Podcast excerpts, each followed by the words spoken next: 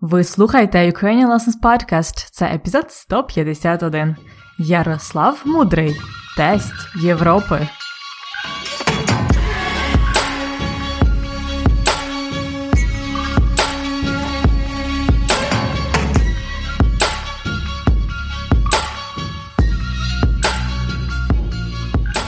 Привіт! Це Анна, і ви слухаєте подкаст Уроки української. Подкаст для всіх, хто вивчає і любить українську мову. Це четвертий сезон подкасту. У ньому я повільно українською мовою розповідаю вам щось цікавеньке. І це епізод номер 151.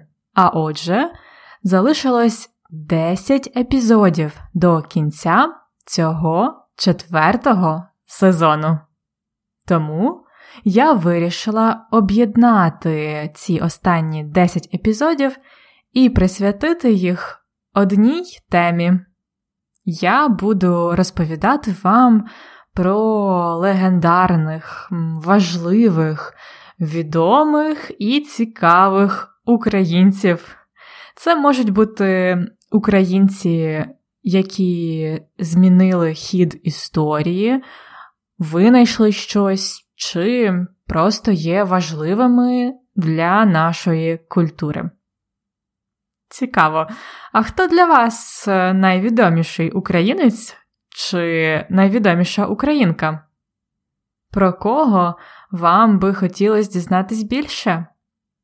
Напишіть мені, можливо, я запишу епізод саме про цю людину.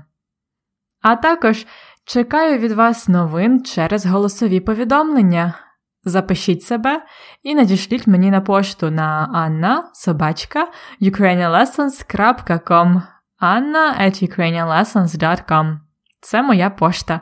Завжди приємно чути від вас. Отже, сьогодні будемо говорити про людину, яка точно вплинула на хід української історії. Так, е, його не можна назвати українцем в повному сенсі цього слова.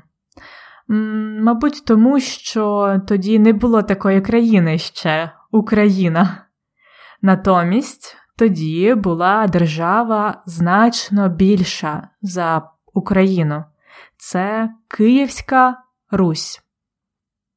Будемо говорити про Ярослава Мудрого, одного з князів Київської Русі.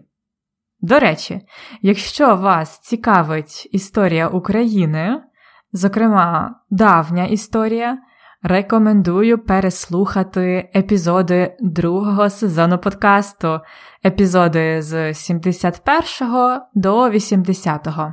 У них ви можете дізнатися коротку історію України простою українською мовою з моїми поясненнями англійською. Щоб переслухати ці епізоди, можете перейти за посиланням ukrainianlessons.com риска history. ukrainianlessons.com slash history. А зараз перейдімо до Ярослава.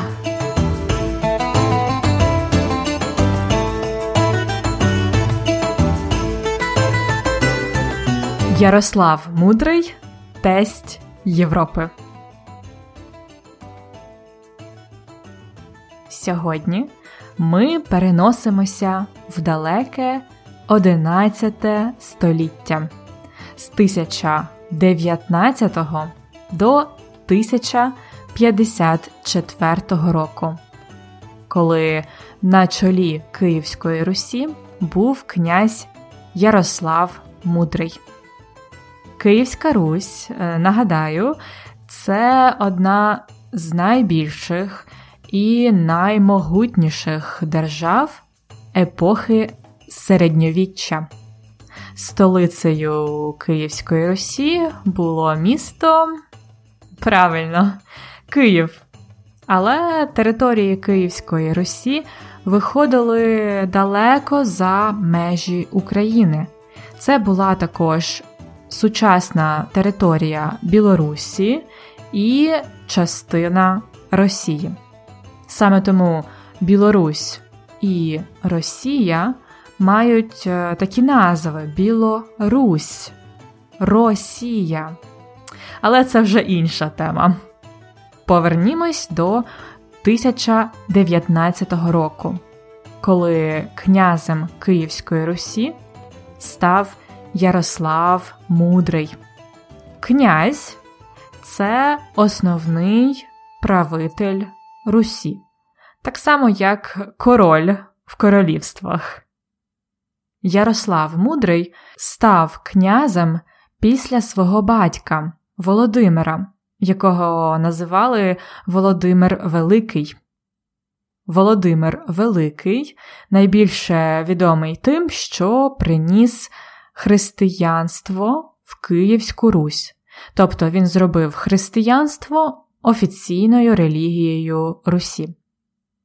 Це було дуже серйозне рішення, яке повністю визначило нашу подальшу історію. А Ярослав Мудрий також відіграв е, дуже важливу роль в історії, причому не лише України чи Київської Русі, його ще називають тесть Європи. Чому так? І що таке тесть? Дізнаєтесь трошки згодом. А зараз хочу поділитися з вами трьома основними досягненнями Ярослава Мудрого. По-перше, це будівництво в Києві. Навіть якщо ви не були в столиці України, ви могли бачити на фотографіях е, чи листівках гарну гарну церкву в центрі Києва. Ця церква має особливо гарну блакитну дзвінницю. Дзвінниця це будівля з дзвонами.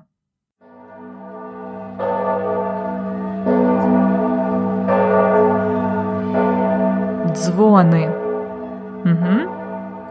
Так от, церква з блакитною дзвіницею в Києві називається Софія Київська і її побудували за часів Ярослава Мудрого.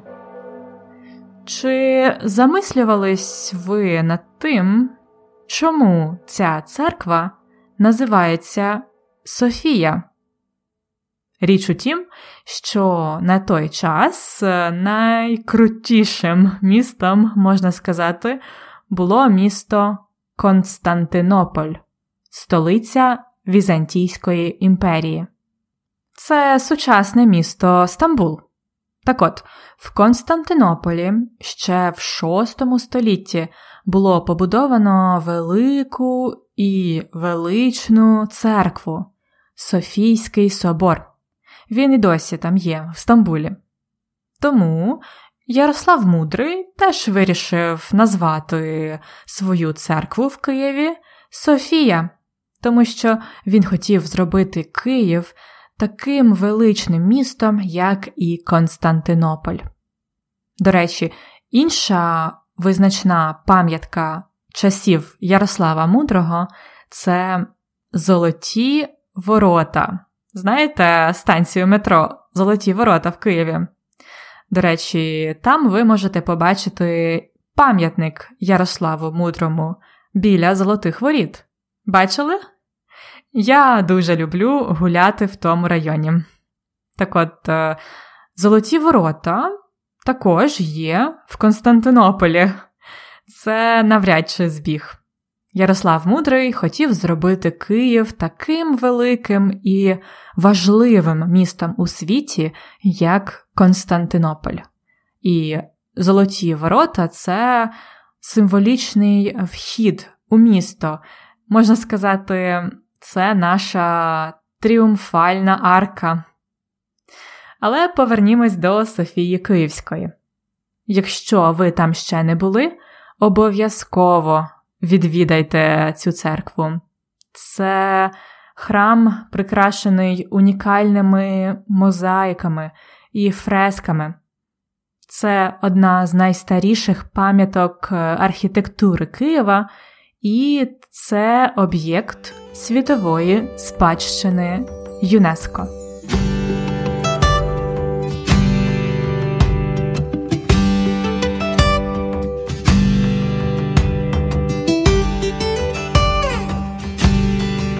Отже, це було перше велике досягнення Ярослава будівництво церков, пам'яток, але також освітніх закладів, бібліотек, шкіл. Ярослава недарма називають мудрим, тобто розумним. Він був великим стратегом, а також е, князем, який не вів війну. Він е, більше поширював освіту і закон. І інше його велике досягнення це створення кодексу законів під назвою Руська Правда. Це перша збірка законів Русі. Якщо говорити сучасними термінами, то це були закони кримінального і цивільного права. Тобто там є чіткі закони про те, що робити, якщо хтось вбив людину чи вкрав щось. Руська Правда. Збірка законів Ярослава.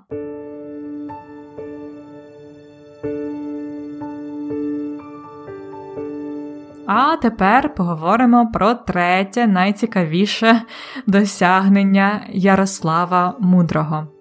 Я згадувала це, коли назвала Ярослава тестем Європи. Тесть це батько дружини так, для чоловіка. Тесть. Розумієте тепер, що я маю на увазі?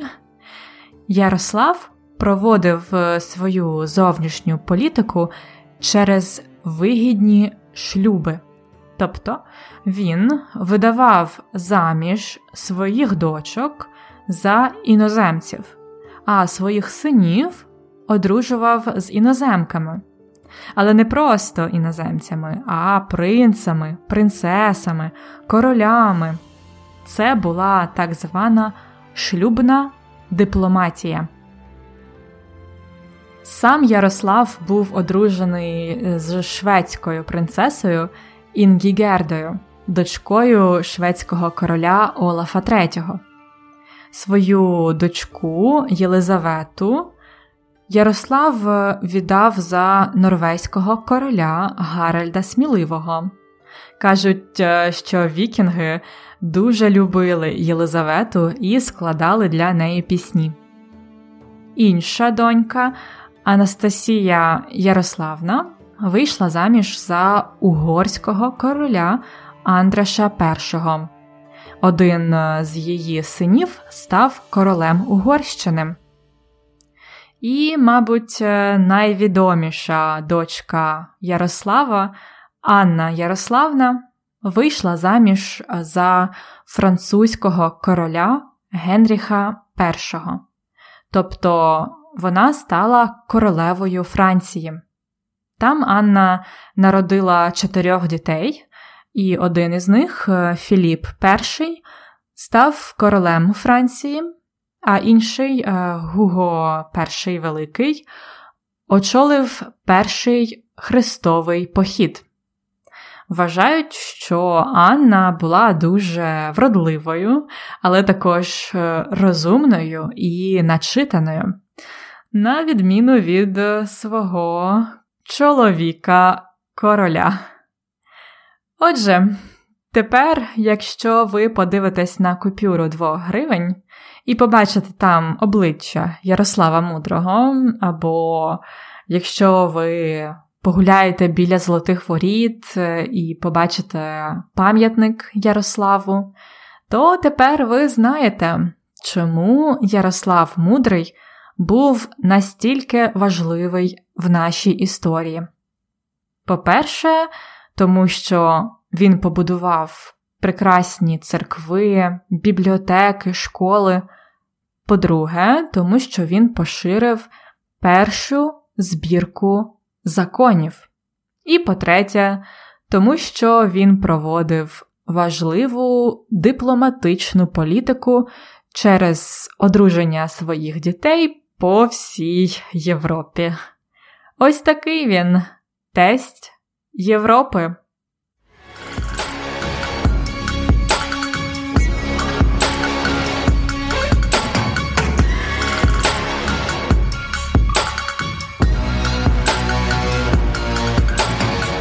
А зараз, як завжди, розгляньмо цікаві ідіоми, фразеологізми, які я згадувала сьогодні. На початку я казала, що тепер я буду вам розповідати про відомих українців, наприклад, таких, які змінили хід історії. Змінити хід історії це зробити так, що історія піде в іншому напрямку, так? Це зробити якісь важливі, важливі зміни. Наприклад, очевидно, що пандемія коронавірусу, яка якраз зараз в розпалі, змінить хід історії. Побачимо, як саме змінити хід історії.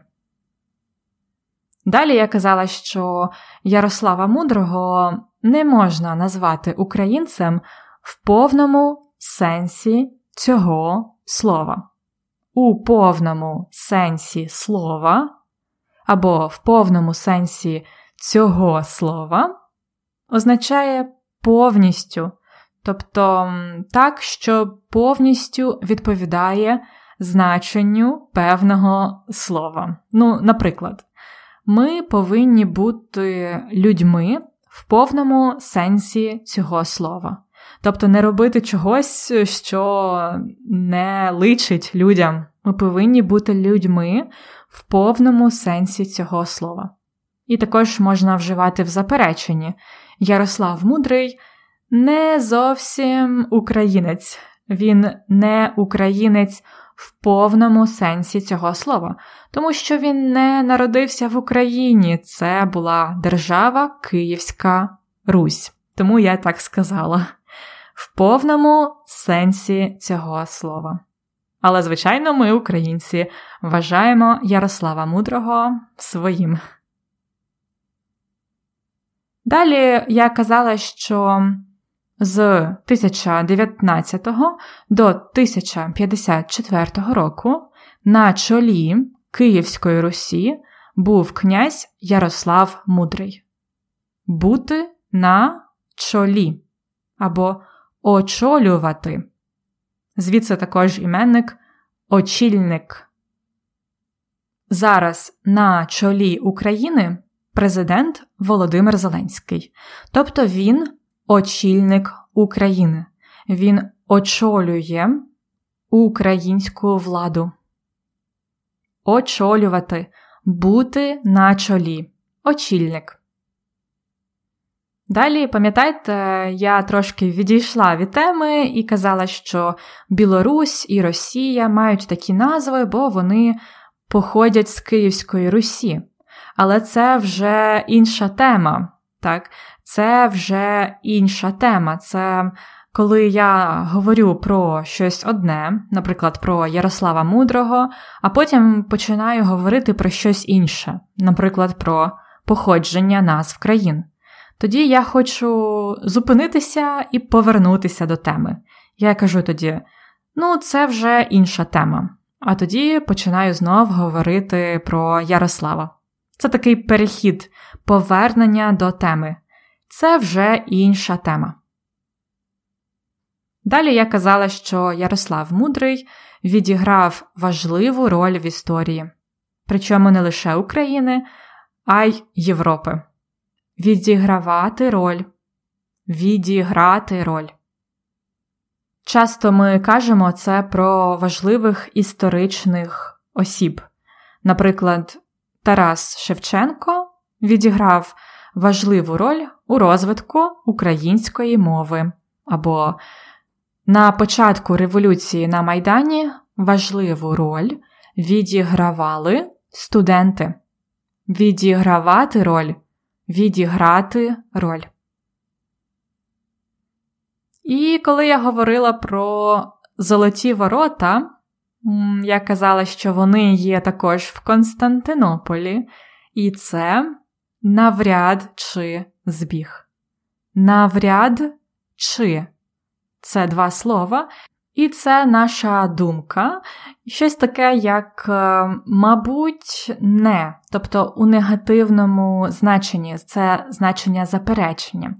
Ну, наприклад, е, можна сказати, навряд чи українську мову можна вивчити за місяць, так? Тобто, напевно, українську мову не можна вивчити за місяць.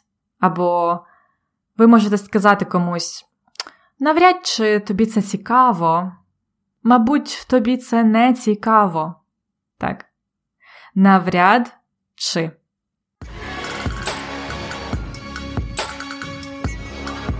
Цікавинка з граматики. Хочу продовжити розповідати вам щодо навряд чи. А саме, хочу нагадати, що означає слово чи.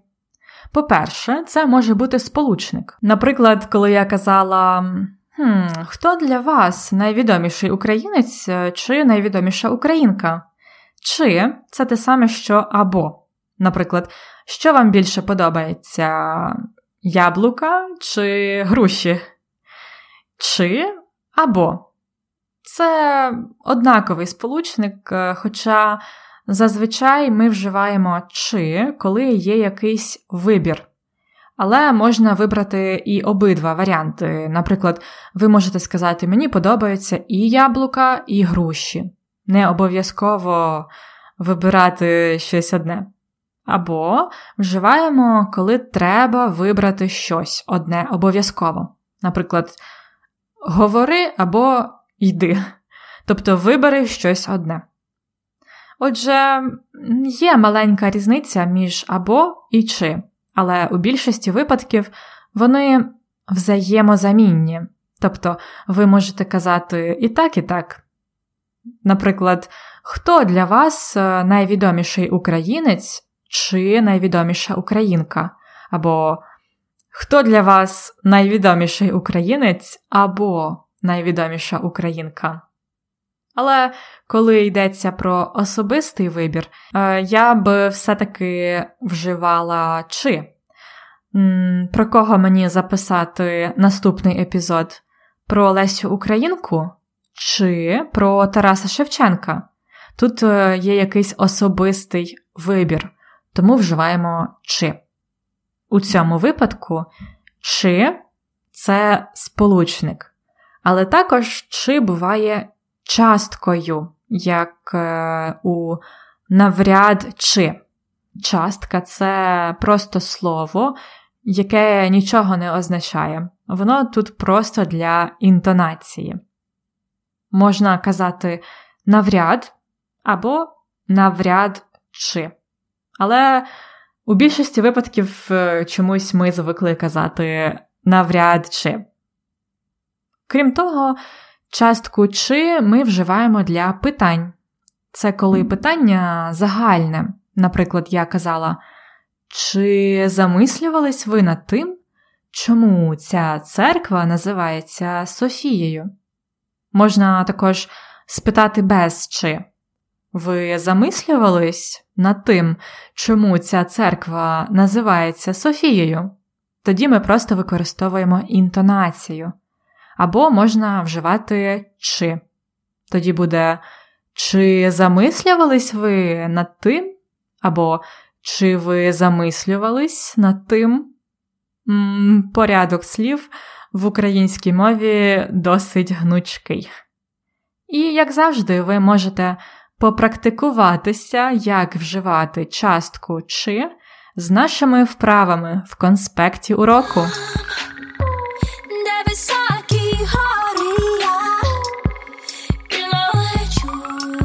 На сьогодні все. Сподіваюся, ви здорові і в порядку, адже я записую цей епізод в часи коронавірусу. У мене все гаразд. Я вважаю, що карантин це чудова можливість е, повчитися вдома. Але, мабуть, це тому, що я люблю вчитися. А для вас пропоную можливість покращувати свою українську мову з моїм подкастом і конспектами уроків. У них ви знайдете повний текст епізоду, переклад слів, таблиці, ідіоми та вправи. І тому, якщо ще цього не зробили, оформлюйте преміум підписку на конспекти уроків. Більше про преміум дізнайтеся за посиланням ukrainianlessons.com риска преміум ukrainianlessons.com premium Бажаю вам всього найкращого. Не хворійте! Па-па!